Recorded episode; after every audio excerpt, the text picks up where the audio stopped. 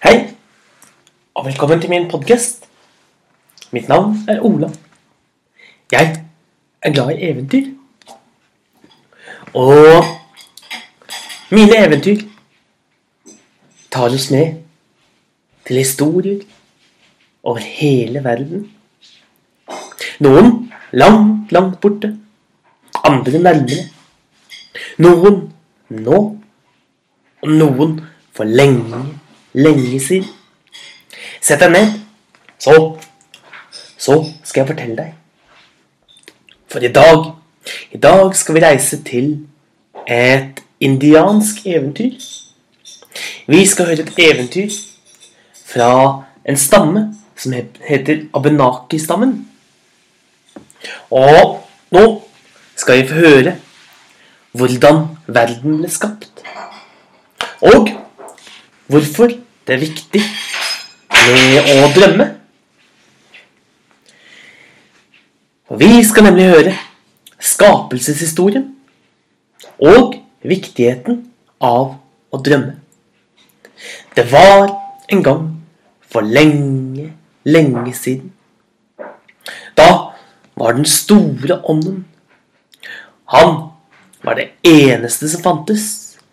Han så seg rundt. Han så til høyre, til venstre, opp og ned. Men han kunne ikke se noen ting i det hele tatt. Det fantes ikke farger.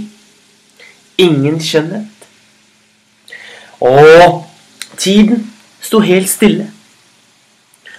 I mørket. Det var ikke en eneste lyd. Ingenting kunne bli sett, hørt eller følt. Og den store ånden bestemte seg for at han ville fylle alt dette tomme med liv og med lys og med andre ting. Først Først så begynte han å lage små gnister. Små gnister som begynte å sprake og fyke fra den ene siden til de andre. Han begynte å lage verden ut av ingenting. Så, når han hadde lagd både tid og sted, da, da sa han til den store, store skilpadden Tolba at den skulle komme opp fra havet. Den skulle komme opp på land, for den skulle bli land. Den store skilpadden Tolba kom krabbende opp av vannet, og der, når den hadde krabbet opp av vannet, så la den seg ned og ble et stort, stort land. Det ble den første landet. Og den store ånden begynte å lage store, mektige fjell på ryggen av skilpadden. Oppå skallet til skilpadden lagde han skoger og trær. Han lagde elver og fosser. Og store, dype daler under fjellene. På himmelen lagde han skyer.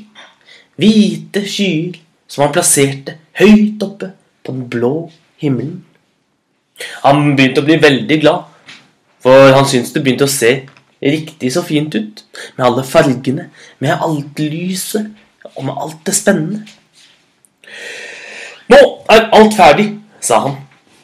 Nå skal jeg bo her og leve et lykkelig, langt liv. Så begynte han å tenke hva slags vesen han skulle lage her. Hva slags dyr skal de få lov til å leve her? Hva skal de gjøre for noe? Hva skal deres hensikt være? Og jeg må lage meg den perfekte planen. Sånn at alt er helt perfekt. Han satt der og tenkte og tenkte. Men rett som han satt der og sov, da jeg satt der og tenkte, så sovnet han. Han begynte å sove. Og i drømme, der drømte han at han skapte nye ting.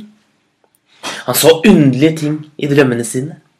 Han så dyr som kom gående på fire ben. Han så dyr som gikk på to ben.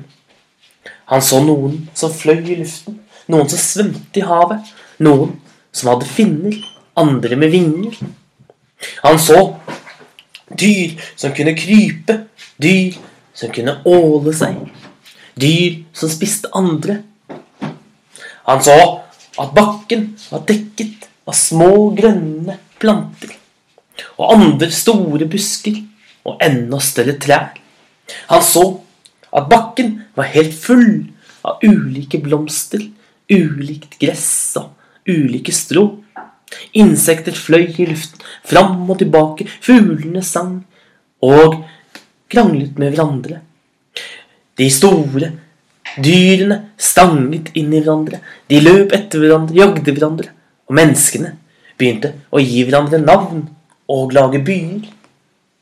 Han så så hvordan alt, alt plutselig var rundt overalt. Og den store ånden, han bråvåknet og tenkte at han hadde hatt et mareritt. For så mye kaos, så mye, mye ting som skjedde på en gang. Nei, hans verden måtte være perfekt. Men idet han våknet, idet den store ånden våknet, så så han Det første han så, var en bever. En bever, det hadde han drømt om i drømmen sin.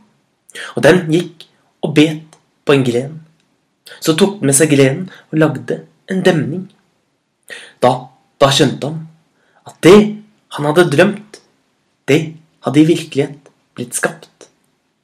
Han som hadde drømt om vesen som kunne fly i luften, vips, så hadde han lagd fuglene. Han hadde drømt om vesen som kunne svømme ned i vannet, med finner. Og de ble til fisker. Han hadde drømt om dyr som kunne gå på alle fire, og selvfølgelig om mennesker som kunne gå på to. Han hadde drømt om hvordan vi lagde byer, hvordan, hvordan skogene vokste og fjellene ble dekket av små og store dyr. Og mens han drømte det, så ble alt sammenskapt.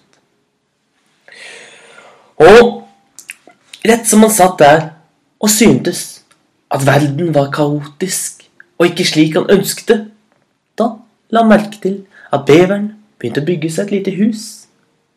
Det var så vakkert å sitte og se på hvordan den bygde seg et hus. Så svømte den og fant seg en familie. Og da, da skjønte han at alt i verden var vakkert, og at alt i verden hadde sin hensikt. Og fra den dagen så var han, var den store ånden, fornøyd med å ha skapt en verden full av uperfekte vesen. Og det, det var skapelseshistorien hos Abnaki-indianerne. Og det er også derfor det er viktig å, å drømme. Ha en god dag, så ses vi igjen en annen dag.